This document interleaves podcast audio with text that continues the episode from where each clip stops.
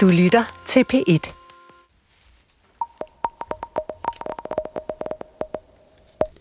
Københavnske husejere bliver rigere, SAS bliver fransk, måske. Og så spørger vi, hvad der sker med energipriserne nu, hvor efteråret for alvor begynder at vise tænder, og flere kommuner igen vil skrue op for temperaturen til op over 19 grader.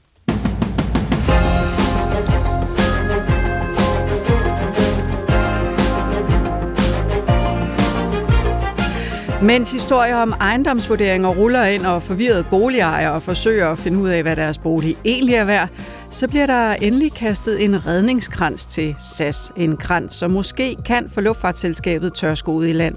Aktionærerne bliver de store tabere, de får ikke en krone, mens en overraskende kreds af investorer overtager selskabet.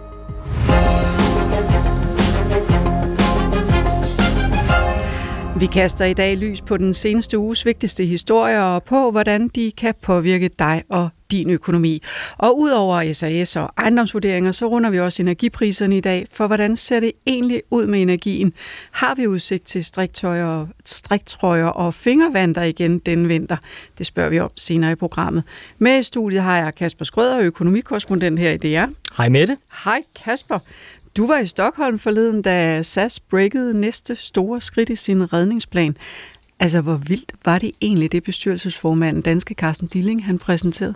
Jamen, jeg synes, at det var, det var rigtig, rigtig vildt at sidde der øh, to og en halv meter fra Carsten Dilling, der annoncerede en, en ny æra for, for SAS. Det skandinaviske hedderkronede nationalklenod af et luftfartsselskab gennem 77 år. Ikke? Øhm, og jeg er også tilbøjelig til at give ham ret. Altså, det er en ny æra, som vi skal se, øh, se forme sig. Altså, som du sagde det lige selv, ikke? Altså, alle aktier står til at blive værdiløse. Øh, fire nye ejere træder ind en overraskende konstellation af et luftfartsselskab, to øh, sådan semifinansielle investorer. Den ene en milliardær, der har tjent sine penge på energihallen i Jylland, og, øh, og så den danske stat og den svenske stat er ude. Altså at alle dem, der også forlader skuden her, er, er, er ret vildt øh, set i SAS' perspektiv. Og, og det vilde består jo også i, at nu skal vi se, hvordan former det her sig egentlig, hvad er fremtiden egentlig for SAS med den her konstellation?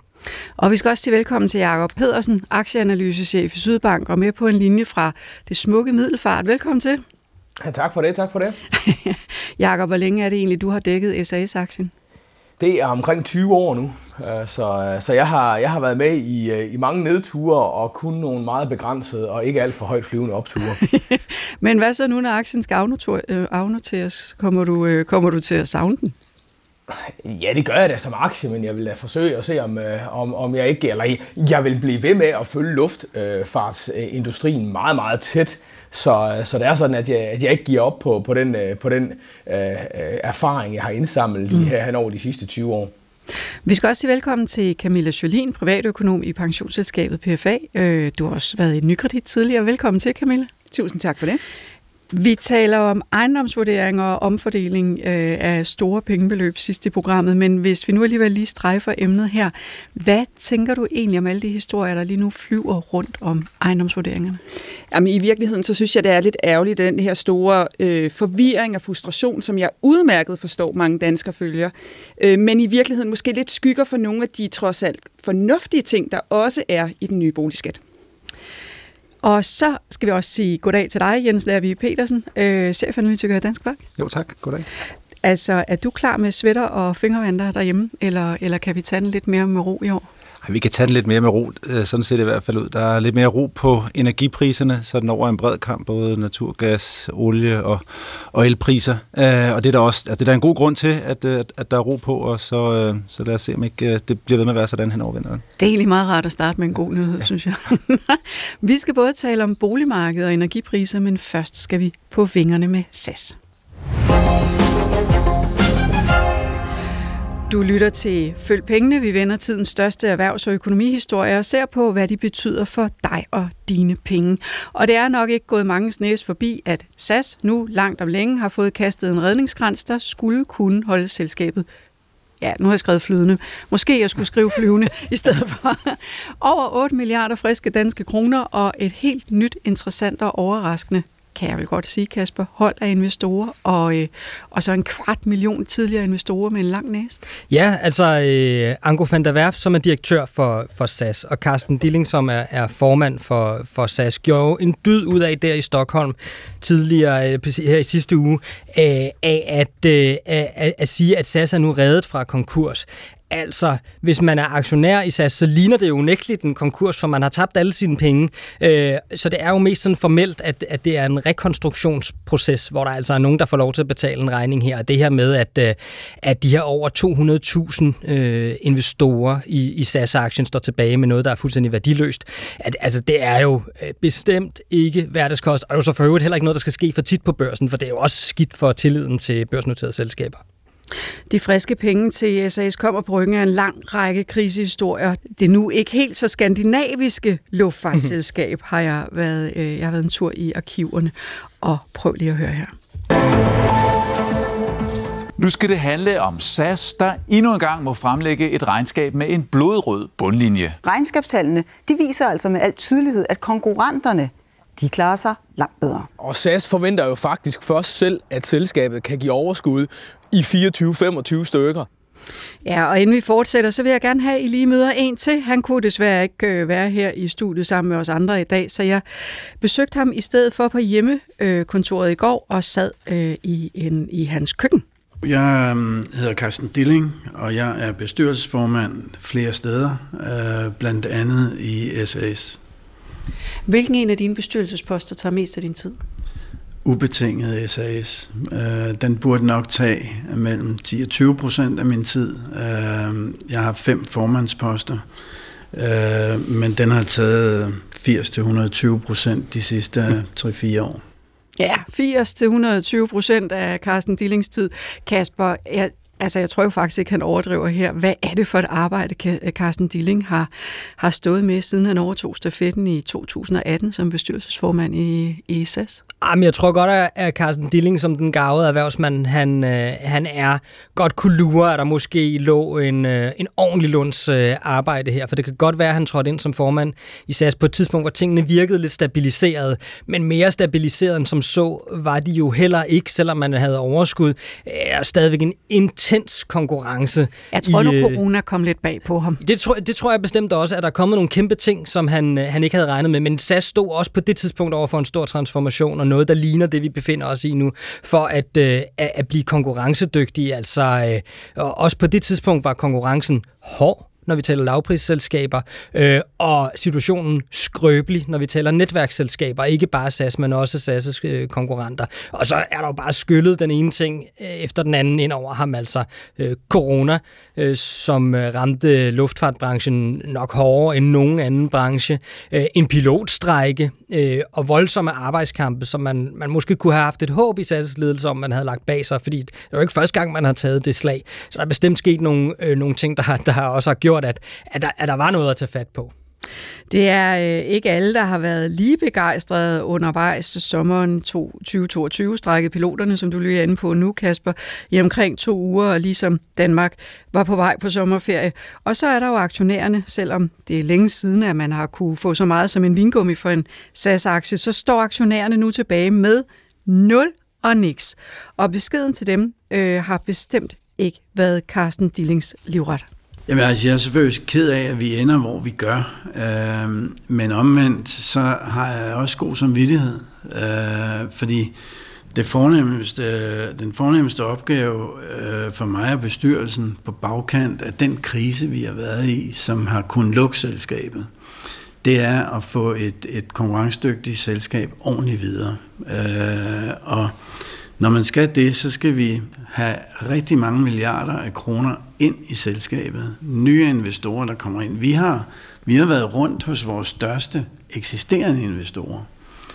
De ville ikke committe øh, noget nær det her. Og slet ikke nok til, at vi kunne få selskabet videre. Og det er jo derfor, vi har måttet gå så vidt, som være i denne her proces. Og, og, og så er det, at det starter med, at hvis man ikke kan mønstre en ordentlig forretningsplan, som er investable, kan du sige, hvor at altså nye investorer siger, at det der, det er på sigt så interessant, så vi vil godt putte vores penge i, fordi vi kan se, der får vi en return on invested capital, der er rimelig. Så hvis, hvis du ikke kan mønstre den, den excellente forretningsplan, der er perspektiver i, så kan du glemme om at reparere selskabet, fordi så får du ikke pengene ind. Og så er det jo altså sådan, at når nye investorer, et nyt investorkonsortie, hvor så endda en af vores eksisterende store, øh, største øh, aktionærer er Danmark, de er jo med på en ny runde. Men når den gruppe af fire investorer kommer med 13 milliarder svensk kroner, så er de lidt rå, og de er lidt kyniske på, hvordan de kigger på historikken og på øh, for godt befindende for vores eksisterende aktionærer. Dem, der stiller op her, de tænker fremad, de kigger i forretningsplanen, de kigger på, hvad det er for en case, de kigger ind i. Og så er det, at de kommer med deres bud på nogle forudsætninger, hvor det bare for bestyrelsen er at forholde sig til, hvad er bedst? Ikke at få pengene, og dermed ikke have et selskab, eller at reparere det her endegyldigt. Og så må vi sige, vi har gjort alt fra bestyrelsens side på at advare om det her. De sidste tre eller fire kvartalsrapporter, der har vi skrevet meget klart, at der sandsynligvis efter denne her proces ikke var noget tilbage til de eksisterende aktionærer. Det har været helt utvetydigt klart. Og alligevel har jeg, jeg har været dybt forundret over, at, at nogle gange er aktien kun faldet marginalt, øh, og tre dage efter vi har aflagt et regnskab, og endda været ude og i talsætte det øh, efterfølgende også, så stiger aktien lige pludselig igen. Og den, den, der er meget spekulation. Hver gang den aktie bliver lidt, lidt for billig og virker som noget, der er mindre end et frimærk koster, så, så bliver den interessant. Og den er altså ikke interessant, øh, før der, at du står med et reorganiseret SAS, fordi du ved, at, at de vil blive værdiløse, de aktier, og alle analytikere omkring selskabet har sagt. Det, det er bare kedeligt, og jeg var især ked af at se selvfølgelig, da vi kalder en preskonference efter et bestyrelsesmøde mandag aften, så gennem tirsdagen stiger den helt vildt. Uh, og det, det, det var jeg selvfølgelig ked af at se, uh, fordi jeg skulle tirsdag aften ud med, med en grim besked. Ikke? Jakob Pedersen er en af de analytikere, som øh, Carsten Dilling her øh, omtaler. Det er, jo, det er jo dig. Jeg har hørt dig mange gange sige, at SAS-aktien vil være nul værd, når den her restru, øh, restru- eller rekonstruktionsplan den falder på plads. Alligevel så steg SAS-aktien over, ja på et tidspunkt der lå den faktisk over 40 procent forleden dag. Den endte på 16 procent lige før pressemødet gik i luften, hvor, øh, hvor de nye ejere blev præsenteret, og aktionærerne fik at vide, at deres aktier var nul og niks værd. Hvorfor hører de ikke efter, Jacob? Ja, det er jo et godt spørgsmål. Jeg har jo synes, det her det har været helt igennem mærkværdigt, fordi SAS-aktien har udfordret enhver finansiel logik hen over det sidste års tid. øhm, men, men, men det, er, det er jo et element, dels et, meget, et element af høj spekulation, dels et element af håb. Øh, måske sidder der nogle enkelte, som er så stærke øh, jurister inden for konkursret og amerikansk Chapter 11 øh, konkursbeskyttelsesret øh, og børsret, at de kan se, ups, jamen det kan være, der er en lille mulighed for, at vi alligevel kan få nogle få øre, øh, som, som køber op. Ellers så kan der være tale om, om, øh, om, at der er nogen, der har været ude og dække short-positioner. Hvis der er nogen, der har, har formået og, og haft mulighed for at, at, at, at spekulere i at, at shorte SAS-aktien, altså at, at, at lave en finansiel transaktion, så man kan tjene penge på, den falder, øh, så kan der godt være nogle af dem, som har, som har været ude at dække det ved at måtte ud og, og, og, og købe aktien igen. Men, men det er en meget, meget, meget mærkværdig kursreaktion, vi har set. Ikke bare det sidste år, men jo i særdeleshed øh, tirsdag og onsdag. Og, og, det, og nu er det jo selvfølgelig også, når, når aktien nu ikke er mere værd, end den er. Øh, den er jo nede i, ja, nogle dage er den 2,5 øre, 1 øre, 3 øre så skal der jo heller ikke store bevægelser til, at det bliver procentuelt en meget stor øh, ændring, der er i aktiekursen. Så hvis man køber nok, så sker der jo alligevel et eller andet. Den ligger jo stadigvæk og zigzagger aktien. Altså selv i går lå den og zigzagget op og ned. Hvem, altså, ja, det, hvem er det, der ligger og køber op nu? Altså det, det, må, altså det, det kan næsten ikke være andre end folk, der tror, at der er nogen, der er dummere end dem selv. Fordi nu har vi fået konklusionen på, hvad der sker med SAS-aktien, og det er altså, at den bliver indløst og pillet af børsen til kurs 0 en gang i formentlig i løbet af anden kvartal 2024. Så jeg kan ikke forestille mig, at der er nogen særlig langsigtede investorer, der køber ind i SAS-aktien i øjeblikket. Kasper? Altså, øh, det var jo en, en sort dag for, for, for mange aktionærer der øh, i, i, i tirsdags. Ikke? Men jeg synes, man skal skille mellem to grupper. Altså, der er dem, der sidder og spekulerer nu, som er sådan nogle casino-desperatorer, som bare håber på, at det går lidt op og ned, og måske kan de score kassen på det, og måske har de tabt et eller andet. De satser helt vildt.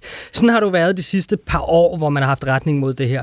Men dem, det i virkeligheden gør ondt på, det er jo dem, som troligt deltog i kapitalforhøjelser. Hver gang SAS kom og sagde, at vi har brug for lidt flere penge, kære aktionærer, fordi at, øh, så har vi et bæredygtigt... Så bliver alt øh, godt. Så, bl- så bliver alt godt. Og måske købte aktierne til en helt, helt anden pris, som ligger mange 100% højere, end den gør i dag.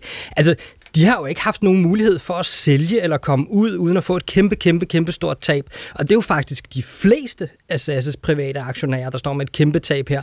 Så der er nogle desperatorer, der er i gang på børsen nu. So be it, hvis de taber deres penge. Det er de nok helt på det rene med. Men alle de der mange, mange, mange danskere, svenskere og nordmænd, der er enormt mm. mange private aktieejere i SAS i Og Norden. så måske i virkeligheden har købt aktierne, fordi de vidste, at der var, der var stater involveret, så det ville ikke gå ned, Ja. har de tænkt. Ja, og det med, med rette kunne de måske forvente og håbe på, at det her det ikke ville ske, og, og troet men- på men- finansminister fra flere lande, når de har gået ud og sagt, nu, nu må I bare komme ind. Ikke? Nå, Jacob Åh, Petersen, men- jeg kan men- høre, du... Ja, men, men, ah, men jeg, jeg, jeg, altså det, jeg, jeg, jeg, jeg, jeg, er jo- jeg, er jo ikke, jeg er jo ikke fuldstændig uenig i det, du, i det, du fremfører, Kasper. Men, men vi skal jo ikke længere tilbage end til efteråret 2020, midt under corona, hvor SAS blev rekapitaliseret, mm. hvor der kun var omkring 5% tilbage til de eksisterende aktionærer. Så allerede der har man fået en forsmag på, at det, det kan godt være, at, at det ikke tidligere er gået i nul, men det har ikke været særlig langt fra. Og så synes jeg altså, at, at de investorer, som nu sidder med, med, med håret i postkassen, de har altså haft et år til at, at, at reagere på SAS' kommentarer. Nu, nu, nu, handler, nu, nu handler selskabet med en børsværdi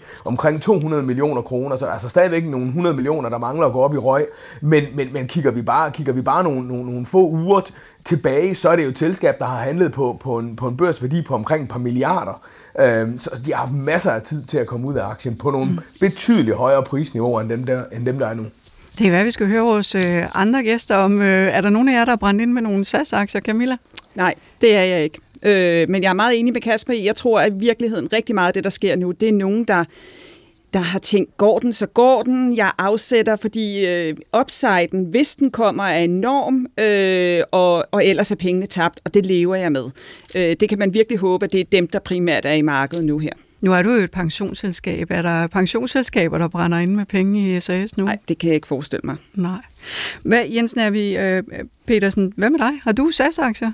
Øh, nej, jeg har ikke SAS-aktier, øh, men, øh, men jeg, jeg faldt over den historie på en lidt pudsig måde, fordi jeg sad i SAS flyver på vej hjem fra Helsinki øh, i tirsdags, da jeg så lander, så er der den her nyhedshistorie om, nu er der pressemøde og, og, og alt det her. Så det var, sådan, det, var, det var på en eller anden måde også en lidt en speciel oplevelse at, at lande i en SAS-flyver, og så kunne logge direkte på pressemødet og høre, øh, høre hvad der skete der. Det var lige før, du kunne have, have rejst med hele menageriet.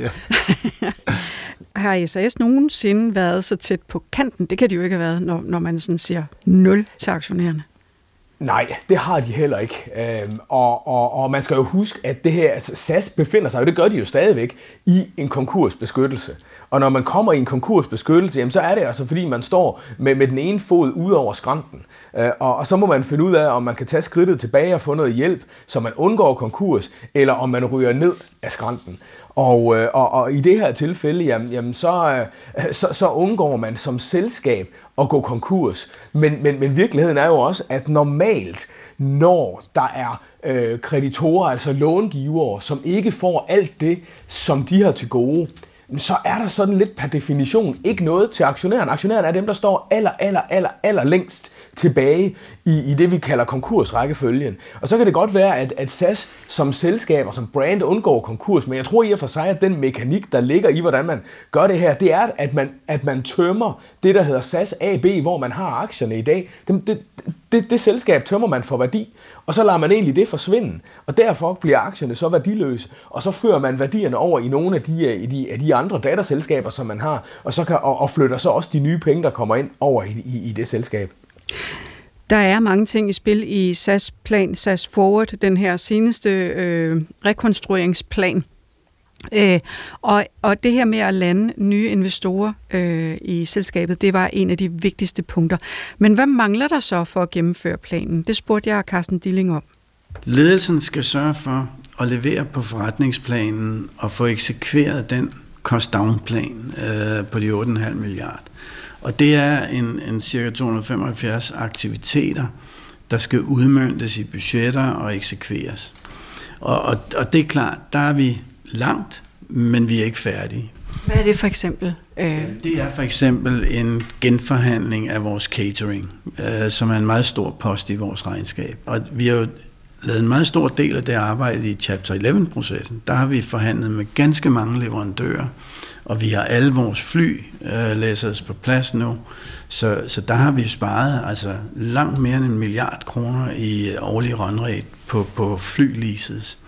Vi tager det leverandør for leverandør. Nogle af dem tager vi som en del af Chapter 11-processen. Der er relativt meget pres på dem, øh, fordi der kan vi også tillade os at gå fra dem, og så starte et nyt, øh, en ny relation op. Men, men andre tager vi mere business as usual. Og det er jo alt fra IT til marketing til øh, alle typer ydelser, vi er afhængige af at købe uden for huset, til at det også er forhandlingerne med vores foreninger. Vi er øh, optimistiske på, at vi nok skal nå det. Ja, og så skal man sige, at, at når Carsten Dilling taler om foreninger, så taler han om fagforeninger og personalet. Jakob Pedersen, er du også optimistisk på SAS-vejen? Om det er jeg egentlig, fordi det, at man står i konkursbeskyttelsesprocessen, det gør altså, at der er rigtig mange af leverandørerne og samarbejdspartnerne, som man får meget, meget lettere ved at, at gå til, fordi situationen er så kritisk. Øh, så, så, så det vil være lettere at forhandle nogle gode aftaler hjem, øh, fordi man står i, øh, i konkursbeskyttelsen. Og så synes jeg jo også, at den plan, som man har lagt, Øh, at, at den, og, og, og de landvindinger, man gør, øh, også giver en, en berettiget, et berettiget håb om, at, øh, at SAS allerede i det år, vi kigger ind i 2024, vil kunne, kunne levere et massivt indtjeningsspring i, i den rigtige retning. SAS har jo også selv øh, indikeret nu, at man forventer at komme til at tjene penge i 2024. De har jo også lige haft et tredje kvartal, der gav et overskud. For første gang i, jeg spurgte faktisk Stilling, han sagde, at han mente, det var 14 kvartaler i træk. Det tror jeg, jeg, jeg, jeg tror det er rigtigt. Man har haft 14 kvartaler med, med underskud, øh, og så i det, i det 15. lykkedes det så at lave overskud. Men vi skal også huske, at det overskud, det er jo altså et overskud, der kommer i den absolut bedste øh, sæsonmæssige periode, der hvor der bliver fløjet allermest. Jamen, det skal vel starte et sted. Det er, det er, det er rigtigt, og, jeg, og, jeg, jeg, og jeg, jeg ved også, at det, at det, var en, det var en god dag i SAS, fordi det fortæller selvfølgelig noget om, at man bevæger sig i den rigtige retning, og, og lige så snart man kommer ud af konkursbeskyttelsen, så er der altså nogle omkostningsposter, som, som nærmest ved, ved, en knips, ved et knips i en finger øh, kommer, øh, kommer betydeligt ned, og, og der, der, derfor vil vi komme til at se en stærkere indtjening næste år. Jens Nervi Petersen, en af luftfartens akilleshæle, det er jo de her svingende dollarkurser og svingende energipriser. De bruger jo rigtig meget jetfuel, når, når de flyver. En kæmpe post i regnskabet, og, også, og så oven i købet en, man aldrig sådan helt kan regne med, ja. hvor ender henne, øh, med mindre man, man, man forsikrer sig imod udsving. Øh, du er jo chefanalytiker i Danske Bank med et særligt øje på råvarepriser og valuta og øh, hvad der ellers hører med der det har jo været noget svingende energimarked, vi har haft de seneste år. Altså, blæser energivindene med SAS nu? Øhm, man kan sige ja og nej. Det er øh, altså øh, sådan medvinden til, øh, til luftfarten, at den er kommet så hurtigt øh, på benene igen efter corona, altså at, at flytrafik nu ligger på nærmest det niveau, den havde før corona. Det er jo en af årsagerne til, at olieprisen også er tilbage på det niveau, den havde før corona. Altså vi havde jo lige et, et, øh, en dag, hvor at olieprisen et sted på markedet faktisk var negativ, da det stod, da det stod værst til. Nu ligger vi på de her 80-90 dollar igen, som er sådan mere normal leje. Det er jo altså blandt andet, fordi der bliver bliver brugt brændstof i flysektoren igen. Den, den her del af efterspørgselen er kommet op, så det er jo mere et spørgsmål om, at øh, ja, det går godt for fly, flybranchen igen. Det er en af årsagerne til, at, øh, at olieprisen er kommet op, og det gør det så også altså, ja, dyre at drive, øh, dyre at være flyselskab igen, øh, når man skal betale for brændstoffet, men, men det er jo sådan den måde, tingene føles ad på.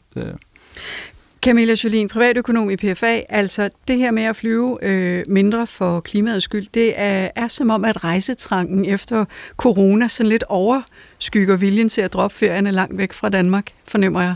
Ja, det er fuldkommen rigtigt. Altså, hvad siger statistikkerne? Jamen, statistikkerne siger faktisk øh, pudset nok, at når vi lige præcis kigger bare på flyrejser, så, øh, så har vi haft en voldsom vækst. Altså fra 2021 til 2022 blev danskernes flyrejser i antal fordoblet.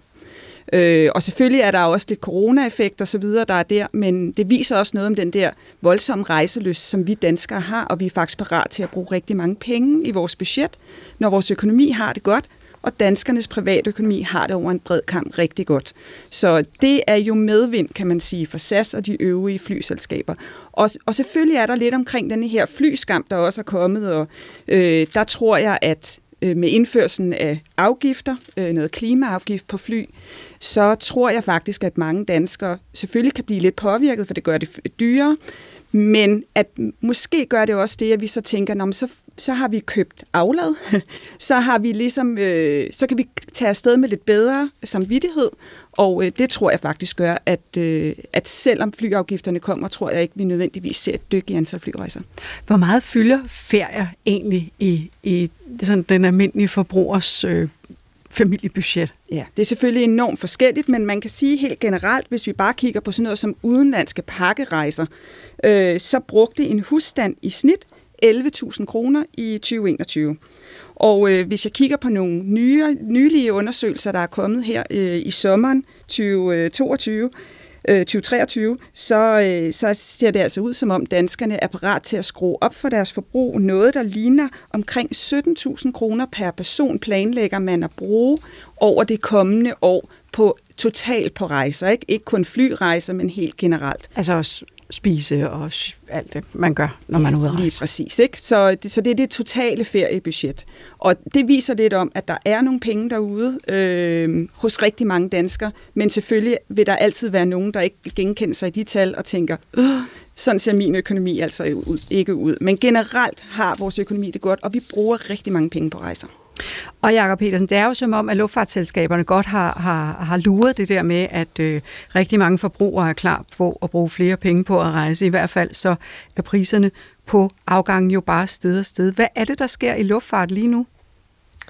Ja, der sker jo først og fremmest det, at, at der stadigvæk er lidt mas i forsyningskæden. Det vil sige, at de nye fly, som mange flyselskaber havde planlagt, at de skulle flyve med nu, de kommer måske først om to eller tre eller fire kvartaler.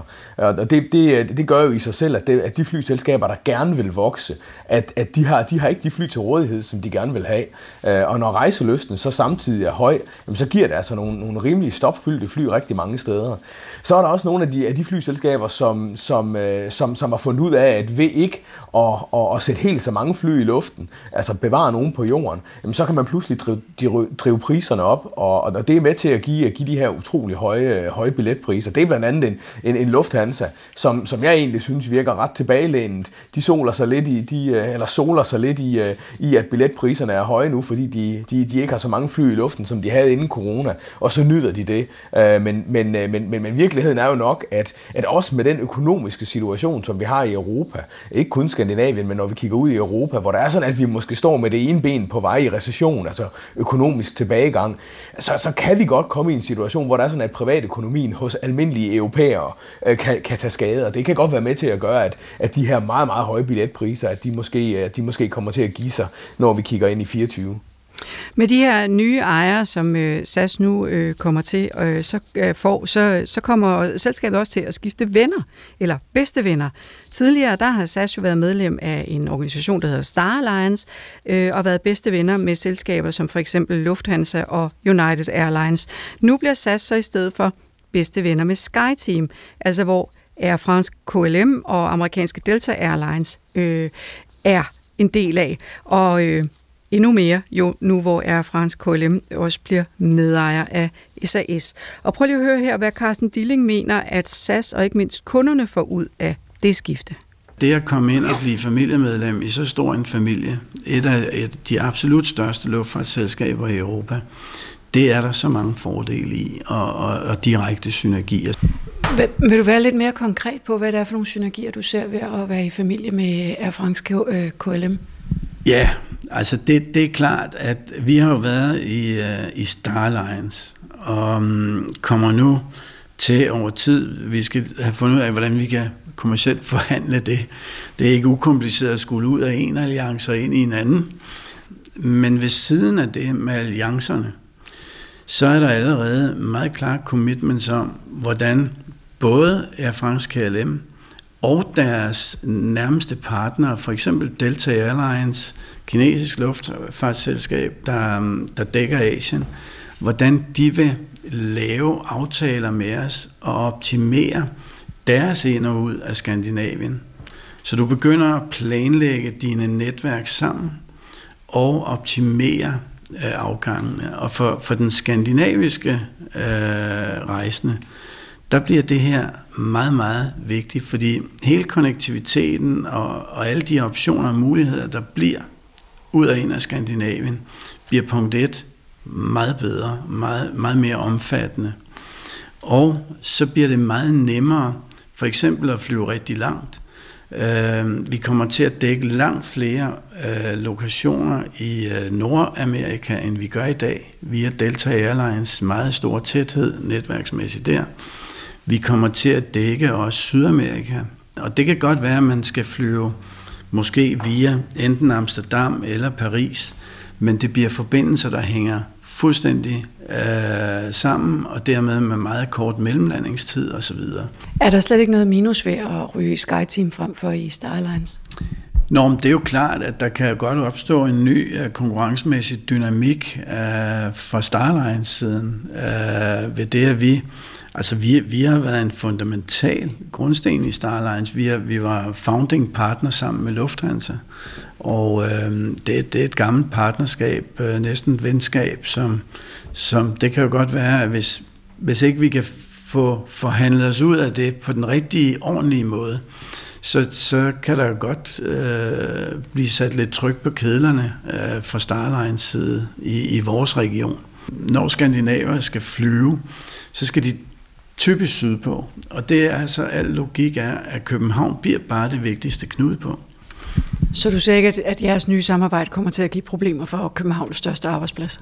Nej, det kan jeg ikke se. Jeg kan kun se, at det her er positivt øh, og vil give vækst, både hos os og dem. Der er hård konkurrence, øh, også for low-cost carriers, øh, som kommer ind. Øh, og det er jo derfor, jeg er så besat af, at vi får det her kostpunkt ned. Vi skal ikke ned og være et par med Ryan og EasyJet og så videre, men vi skal ned og ligge faktisk et par med for eksempel Norwegian, måske lidt lavere end dem, og ind imellem dem og low-cost carriers. Jakob Petersen, da jeg hørte Carsten Billing sige det her første gang, så troede jeg faktisk lige, at han lovede billetpriser billigere end Norwegian. Men han taler om SAS omkostninger skal være lavere ja. end Norwegians. Men er det, er det realistisk? Det tror jeg ikke. Uh, altså det kan godt være, hvis det er sådan, at man går ind og kigger på, hvad, hvad betaler man den enkelte medarbejder, uh, og, øh, og, og, og, og hvor billig kan man få sin catering og så videre til flyene, så kan det sagtens være, at SAS kan lave billigere aftaler. Men, men SAS har per definition, fordi man er netværksselskab, med, med den kompleksitet, det giver at skulle flyve uh, passagerer ind til et knudepunkt og flyve dem videre ud, så har SAS bare en mere kompleks forretning. Så det der med at få enhedsomkostninger, som ligger nede i samme niveau som, som eksempelvis Norwegian, der må jeg sige, der synes jeg, der er meget, meget langt.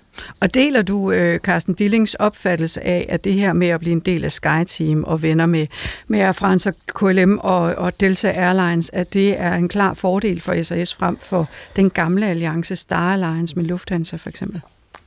der er ingen tvivl om, at hvis man kan lave et meget tæt samarbejde med Air France KLM, så kan, det være, så kan det være en forandring i forhold til det, man har haft tidligere. Men jeg vil også sige, hvis det er sådan, at man, at man udstiller øh, skiftet fra Star Alliance øh, til, øh, til SkyTeam som, som den helt store fest for SAS, så handler det mere om, at man ikke har været dygtig nok til at udnytte de muligheder, der har været i Star Alliance. Jeg har allerede hørt fra, fra, fra, fra, fra forskellige aktører, som flyver med SAS, at de er ikke super tilfredse med, at man går fra Star Alliance over i, øh, i SkyTeam. Kasper Skrøder, vi ejer jo stadigvæk alle sammen en lille, lille bitte bid af SAS, i og med at staten stadigvæk, den danske stat stadigvæk er en del af ejerkredsen. Og så tænkte jeg forleden dag, da jeg så det her, de skulle afnoteres, det betyder jo også noget for, hvor meget vi kan holde øje med SAS. Fordi når de ikke er børsnoteret længere, så skal de jo ikke komme med kvartalsregnskaber på samme måde, som de har gjort de sidste mange år. Så hvordan holder vi nu øje med vores penge? Ja, vi må bare gøre os rigtig umage med det. Ja. Det er jo sådan, at når man er et børsnoteret selskab, så har man, som du siger, en masse forpligtelser til at offentliggøre en masse øh, oplysninger til, til, til alle ude i, i, i markedet på samme tid og på lige vilkår. Så derfor så får man ret meget information om et børsnoteret selskab. Så er vi oven i købet midt i den her øh, konkursproces i USA, hvor at man øh, på månedlig basis skal sende dokumenter ind til en domstol i New York, hvor der også står en masse ting, som vi aldrig nogensinde plejer få at vide, heller ikke om et børsnoteret selskab. Så lige nu ved vi vildt meget om, hvad der foregår inde i SAS. Øh, og lige om lidt, hvis vi spoler tiden et, et, et, et halvt til et helt år frem, så ved vi faktisk meget lidt. Men øh, det er jo der, hvor at øh, vores finansministerium bliver rigtig, øh, rigtig interessant, fordi mange af de oplysninger vil ligge derinde. Carsten Dilling han regner med at binde en knude på det her nye ejerskab og lukke den her Chapter 11-proces, altså den her reorganisering af, af SAS i løbet af andet kvartal næste år, altså inden juli. Men jeg har faktisk lyst til at spille en enkelt sidste bid med interviewet fra Carsten Dilling. Bliver, bliver SAS fransk, eller kan der stadigvæk nå at komme en eller anden ny køber ind fra højre og lige snuppe det hele? Altså alt kan ske, når man er i øh, en Chapter 11-proces, frem til at de sidste høringer er kørt, og godkendelsen ligger der. Øhm, men, men jeg tror, vi, øh, vi har øh, konturerne af hovedkonstellationen på plads nu. Alt kan ske, Kasper. Det er ikke mm. sikkert, du har været i Stockholm for sidste gang, fornemmer jeg. Det tror jeg faktisk ikke, fordi at det er, der mangler en del vigtige skridt, før vi kender sandheden om det her. Og lige nu så er en af historierne jo, at den danske stat er den eneste statslige ejer tilbage, men det passer jo ikke helt, fordi Air France KLM er ejet af både Frankrig og Holland, og Air France KLM er faktisk også ejet for 5% vedkommende af China Eastern Airlines. Og hvem ejer China Eastern Airlines? Det gør vores allesammen Folkerepublik øh, Kina. Øh, så sådan set øh, er den kinesiske stat blevet en meget indirekte ejer af SAS, hvis det her går igennem, og det synes jeg er virkelig det var, det var dagens store overraskelse. Jeg vil slippe dig her, Kasper. Jeg ved, at du har travlt med store ting, så vi øh, ses på redaktionen lidt senere. I lige måde. Du lytter til Følg Pengene. Vi skal også forbi et par af de andre vigtige historier fra den her uge. Med til at se på de historier har jeg Jakob Pedersen, er aktieanalysechef i Sydbank, Camilla Jolin, privatøkonom i pensionsselskabet PFA, og Jens Nervi Petersen, øh, chefanalytiker i Danske Bank. Og en af de historier, som jeg er faldet over, kan måske virke lidt ubetydelig, men altså, jeg synes faktisk, at der er flere øh, interessante lag i den her, og så kom der endda en oveni. Og det er nemlig det her med, at flere store nordjyske byer har besluttet at lade julelysene vende tilbage igen i år efter sidste års mørklægning. Og oven i det, så er der også et eller andet antal kommuner, jeg tror det er 30, der har valgt at sige, ah, det er med 19 grader, det behøver vi altså ikke sidde og fryse i år. Vi kan godt skrue lidt op for varmen. Så, Jens Nærvig Petersen, det får mig til at tænke, at vi ikke længere behøver at være sådan helt så bekymrede for vores e- energisituation, som vi var sidste vinter. Ej, vi behøver ikke være helt så bekymrede, som vi var sidste vinter, fordi at der havde vi grund til at være rigtig bekymrede. Øhm, altså sådan en, en måde at stille det op på, så prisen på naturgas på, omkring det her tidspunkt sidste år, jamen den var er omkring 10 gange højere, end den er lige nu. Øh, bare kortvarigt, men, men på et tidspunkt, da vi var allermest bekymrede. Øh, så det er en helt anden situation lige nu. Øh, på den anden side, så energipriserne er stadigvæk sådan lidt til den høje side, når man ser det i et længere historisk billede, ikke bare sammenlignet med sidste år. Så der er stadig grund til at tænke over, hvordan man bruger, øh, bruger sin strøm, hvordan man varmer op, øh, hvor meget man varmer op. Men vi er et langt bedre sted lige nu, øh, så, så der kan sådan set godt være ræson i at, at skrue lidt op for varmen og tænde for julelysene. Den 6. oktober 2022 kostede en future på 1 megawatt gas til levering i december 175 euro på den hollandske TTF-børs. Og i dag koster den under 42. Det er næsten mm. en fjerdedel. Ja. Men altså, det er jo stadigvæk højt, som du siger, i forhold til for et par år siden. Kan, kan, de 42, kan det blive billigere end 42 euro i løbet af vinteren her? Jamen altså lige nu er det jo, øh, altså Øh, der går nærmest ikke en dag, hvor man kan se vejrudsigt, når man ikke kan høre om, at øh, september var den varmeste måned nogensinde, og det er sådan set stadigvæk øh, lun forårstiden derude. Øh, og det har jo en, øh, en, en kæmpe stor betydning for naturgasprisen lige nu, fordi at lige nu så skubber vi lige det tidspunkt, hvor vi for alvor skal begynde at skrue op for radiatoren. Øh, og bare det, altså bare sådan, nærmest bare for hver dag, at vi skubber det tidspunkt, hvor fyringssæsonen for alvor starter. Øh, jo, men det mindsker risikoen for, at naturgasprisen kan stige kraftigt, øh, og øger sandsynligheden for, at den måske kan falde, øh, falde lidt lidt øh, senere på, øh, øh, på året, fordi øh, så, øh, så skal det gas, vi har lagt på lager, jamen, det skal altså strække sig over en kortere periode. Øh, så, så på den måde ser det faktisk ret fint ud lige nu. Men hvis vi alle sammen skruer op, så stiger priserne vel også? Ja, men vi behøver bare ikke skrue op lige nu, så det, øh, fordi Nej. det er stadigvæk er lun. Så det, øh, Jamen, jeg tænker mere ja. på, at ja, ja. til når julelysen ja. igen, og skrue op for varme på kontorerne, og øh, så kan man, vi vil godt selv bære til, at det ender med at blive lidt dyrt. Ja, altså hvis vi alle sammen går tilbage og bruger naturgas, og det er både forbrugere og virksomheder, som, øh, som vi gjorde det øh, i 2021 bliver det, øh, og før det, jo, men så vil vi nok, så vil vi nok se nogle, øh, nogle, nogle store prisstigninger, og så vil, øh, så vil vi nok alle sammen begynde at tænke, okay, men jeg behøver måske ikke skrue lige så meget op, jeg kan lande et eller andet sted midt imellem, og så, øh, og så tilpasser markedet sig. Øh, øh, men igen, vi kan godt skrue lidt mere op, end vi gjorde sidste år i hvert fald, og vi, øh, vi kan nok også godt tåle at tænde for julelysene. Og nu fortalte du før, at du er svømmer, og en halv grad i bassinet, det gør hele forskellen. Ja, ja altså jeg havde nogle, øh, nogle, øh, nogle piger, der gik til svømning sidste år, og de, øh, de, de frøs lidt mere, fordi der også var svømmehaller, hvor at, øh, at man måtte skrue lidt ned, øh, og der var saunaer, som i en periode heller ikke var tændt. Øh, øh, og det er jo også sådan nogle ting, hvor at, jamen, altså, der er der lidt mere overskud på energimarkedet nu, end der var sidste år. Camilla Jolin, privatøkonom i PFA. Hvor meget fylder energi egentlig i vores øh, privatøkonomi? Det fylder faktisk rigtig meget. Og det er fordi, og sidste at, år fyldte øh, det endnu mere. Ja, der fyldte det endnu mere. Øh, så den største post i vores budget hos danskerne, det er klart vores bolig. Øh, det er der sådan cirka en tredjedel af vores forbrug går hen. Og det er jo inklusiv at tænde for lyset og skrue op for varmen og de der forbrugsting, der også ligger. Og faktisk er nummer to øh, største post i vores budget, det er vores transportudgifter.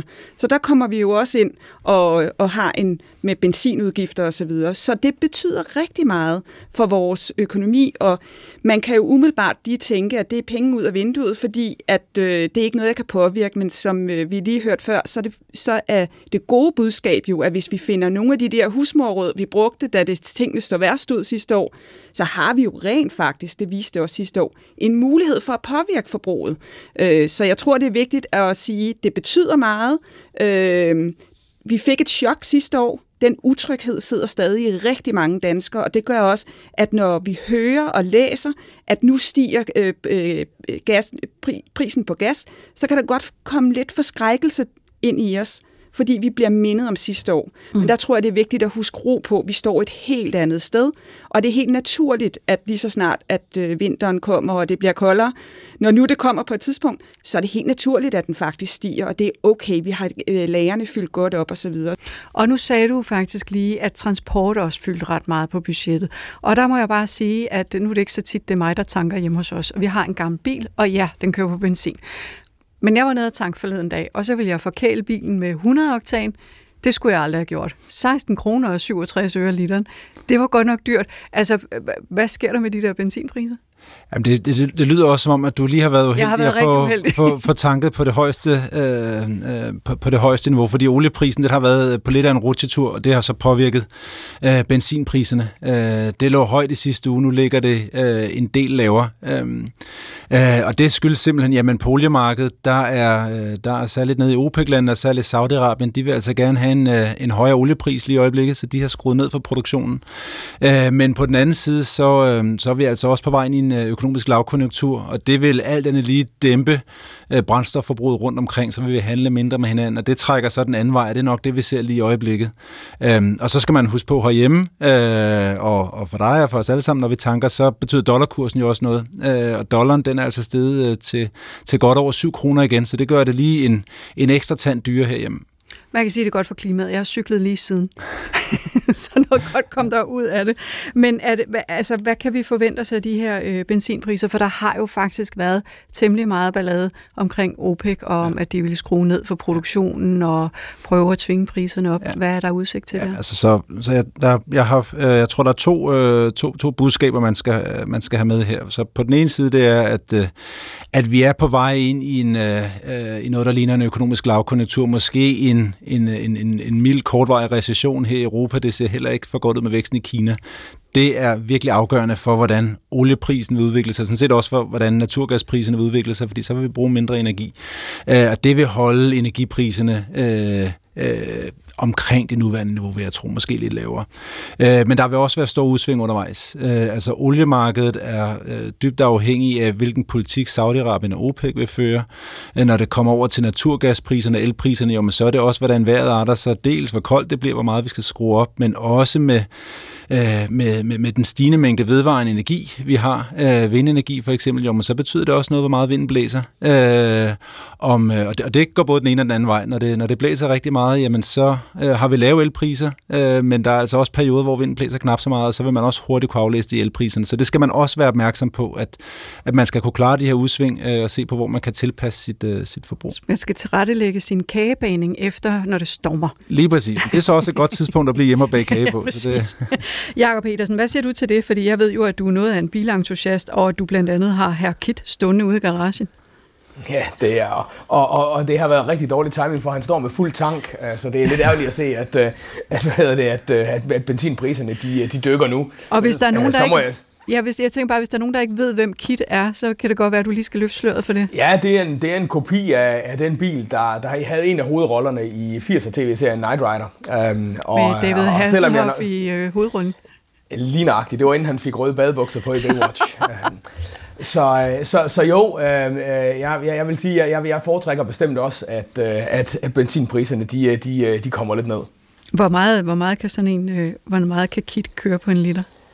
Ah, ja, altså sådan en, en, god, en god tur på motorvejen, der, der, ligger, der ligger jeg på en 7-8 km på en liter, men hvis det er sådan, at det er promenadekørsel inde i, i Middelfart og, og Fredericia, så, øh, så er vi nede på en 5-6 øh, km på literen, så, så, øh, så er den sulten.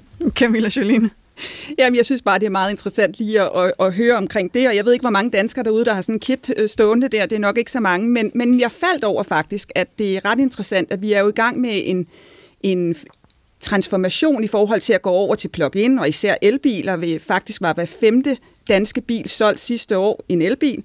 Men på trods af det, så er det altså stadig kun 8 procent af vores samlede bilmasse, der udgøres af øh, plug-in og elbiler. Så den største del har jo stadig en benzinbil stående i garagen. Det er jo så blandt andet også Jakob. Ja. Du lytter til Følg Pengene. Vi er nået til ugens sidste historie, og du har gættet rigtigt. Det er ejendomsvurderingerne. Og med mig har jeg Camilla Jolin, privatøkonom og i pensionsselskabet PFA, Jens Nervi Petersen, chefanalytiker i Danske Bank, og Jakob Pedersen, aktieanalysechef i Sydbank. Du hænger med på en linje fra Middelfart. Og som sagt, vores sidste historie i dag er endnu en udløber af hele sagen om de nye ejendomsvurderinger. Midt i september kom der nye vurderinger til 1,7 millioner danske ejerboliger, og det gik mildt sagt ikke stille Altså, for sig. Boligejere i 10.000 vis fik fejlagtige vurderinger. Systemet kan trods 10 år i proces endnu ikke tage en række data med. Og det giver ganske mange boligejere mis, en misvisende ejendomsværdi. Vi har set eksempler på vurderinger, der med et fingerknips er steget med flere tusind procent. Altså, Camilla Jolien, du sagde før, man glemmer helt at glæde sig over, at der faktisk også er billigere skatter på vej til en del, øh, til en del boligejere. Men hvad tænker du egentlig om, om, om hele den her palaver om ejendomsvurderingerne? Jamen, jeg synes, det har været en kaotisk omgang, og, øh, og, og, og jeg er helt på linje med alle dem, der tænker, det må kunne gøres bedre. At der har været 10 år til det, der er afsat, jeg ved ikke hvor mange milliarder til det, der er blevet tilført ekstra penge, man har hele tiden skubbet det, og, og vi lever trods alt i et, i et et meget højt digitalt samfund, hvor jeg tænker, der må findes rigtig mange datapunkter derude i forhold til, hvad boliger er blevet solgt til, og naboboliger er blevet solgt til osv. Så det undrer mig faktisk, at, at der, øh, og ærger mig, at der er kommet så mange af de her øh, uheldige historier frem. Der er jo faktisk mere boligballade på vej, fordi grundskylden for alle bolig ejer øh, må samlet set ikke stige frem til 2028.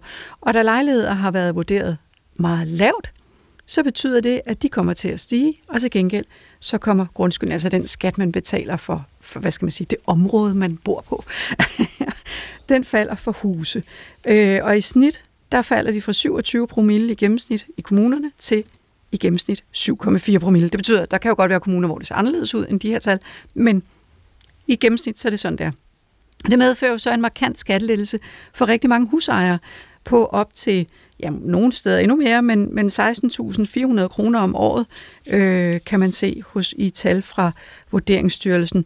Hvilken betydning regner du, Camilla Jolien, med, at de her omlægninger samlet set får for boligejerne? Jamen, det kommer til at give noget blæst på boligmarkedet, og det gør det allerede. Fordi vi kan se, at øh, sådan et af de grundlæggende principper, der kommer nu, øh, eller i virkeligheden to, jeg vil fremhæve. Punkt et, det er, at nu skal den boligskat, vi betaler, stemme den udvikling, der også er i vores boligpriser. Og det er grundlæggende rigtig fornuftigt. En anden ting er, at nu skal det være mere fair i forhold til, hvad man betaler for, som boligejer i en, i en ejerlejlighed i forhold til et hus. Ja, hvis man forholdsvis har man betalt meget mindre i skat ja. i en lejlighed til 4 millioner end i et hus til 4 og millioner tidligere. Og det har slet ikke givet mening. Og på den måde, det synes jeg også er en af de ting, vi kan fremhæve, som er grundlæggende fornuftige ved det nye. Så er det klart, at det lige nu i sådan en overgangsperiode giver bølger, og vi har blandt andet set rigtig mange være ude og at nå at prøve at anskaffe sig en bolig og særligt ejerlejligheder inden overgangen 1. januar.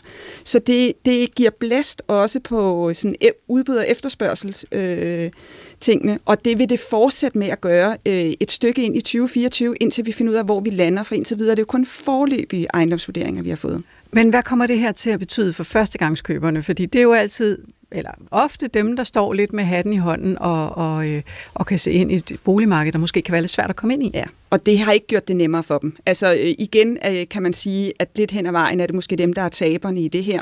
Øh, fordi at de, de jo typisk ikke har så meget... Øh, øh, penge at, at skyde ind i boligen, og dermed er enormt påvirket af, hvad, hvad er det for en skat, jeg kommer til at skulle betale.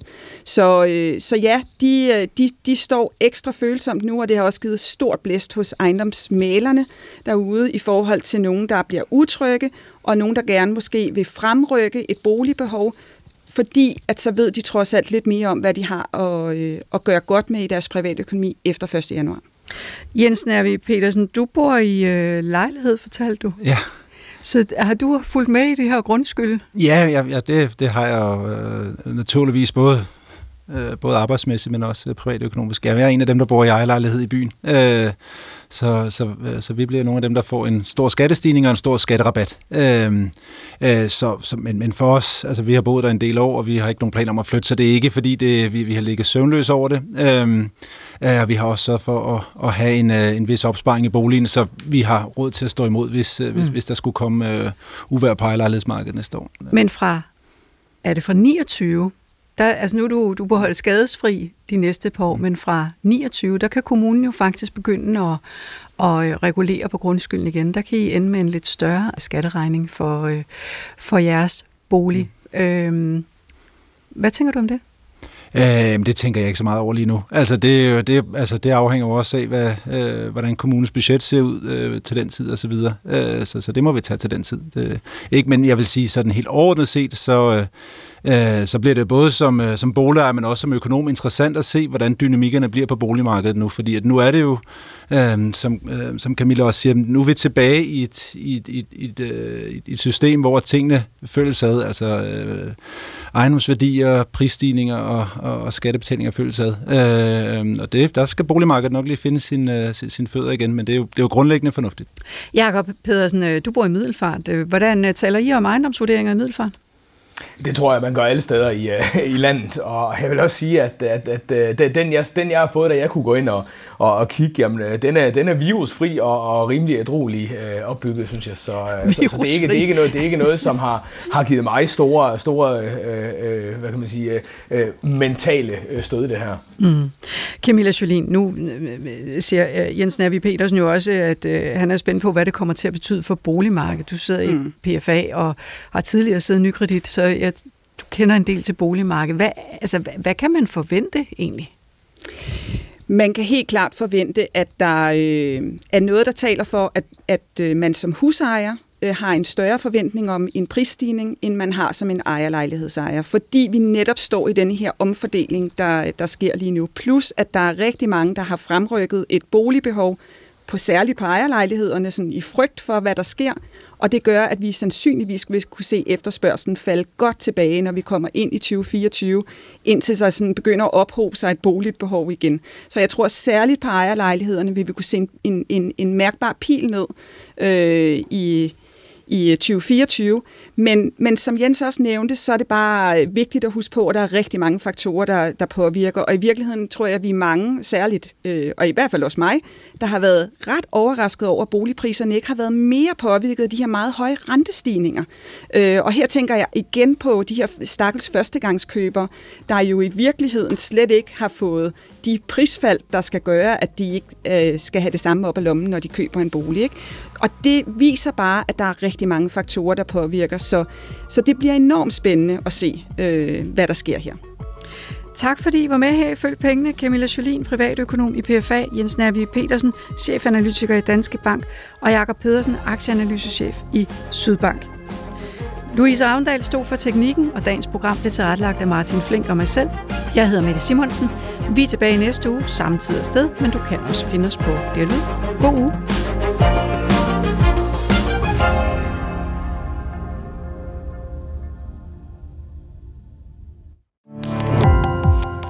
Gå på opdagelse i alle DR's podcast og radioprogrammer. I appen DR Lyd.